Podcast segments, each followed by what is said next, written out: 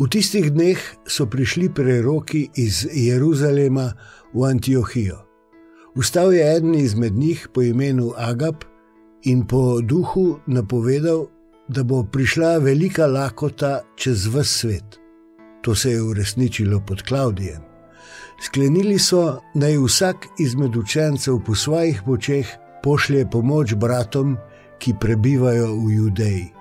To so tudi storili ter po posredovanju Barnaba in Savla pošiljali pomoč starešinam.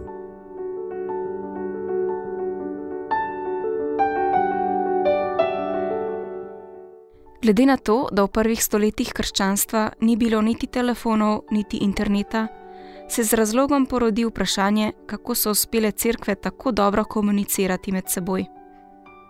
Res je, da so oznanjevalci evangelija veliko potovali od enega do drugega občestva, tako da so stalno prinašali drug drugemu novice o tem, kako živijo različne cerkve.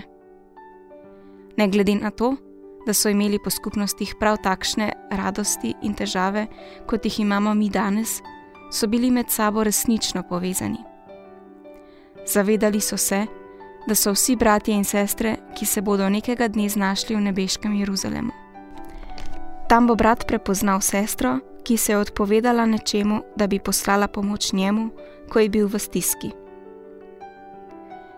Koliko poznaš crkveno občestva v tvoji bližini?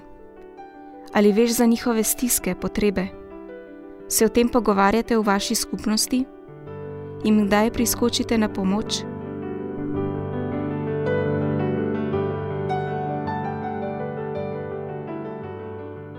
V tistih dneh so prišli preroki iz Jeruzalema v Antiohijo.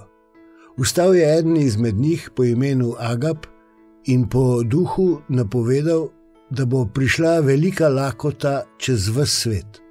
To se je uresničilo pod Klaudijem. Sklenili so, naj vsak izmed učencev po svojih močeh pošlje pomoč bratom, ki prebivajo v Judeji. To so tudi storili, ter po posredovanju Barnaba in Savla pošiljali pomoč starešinam.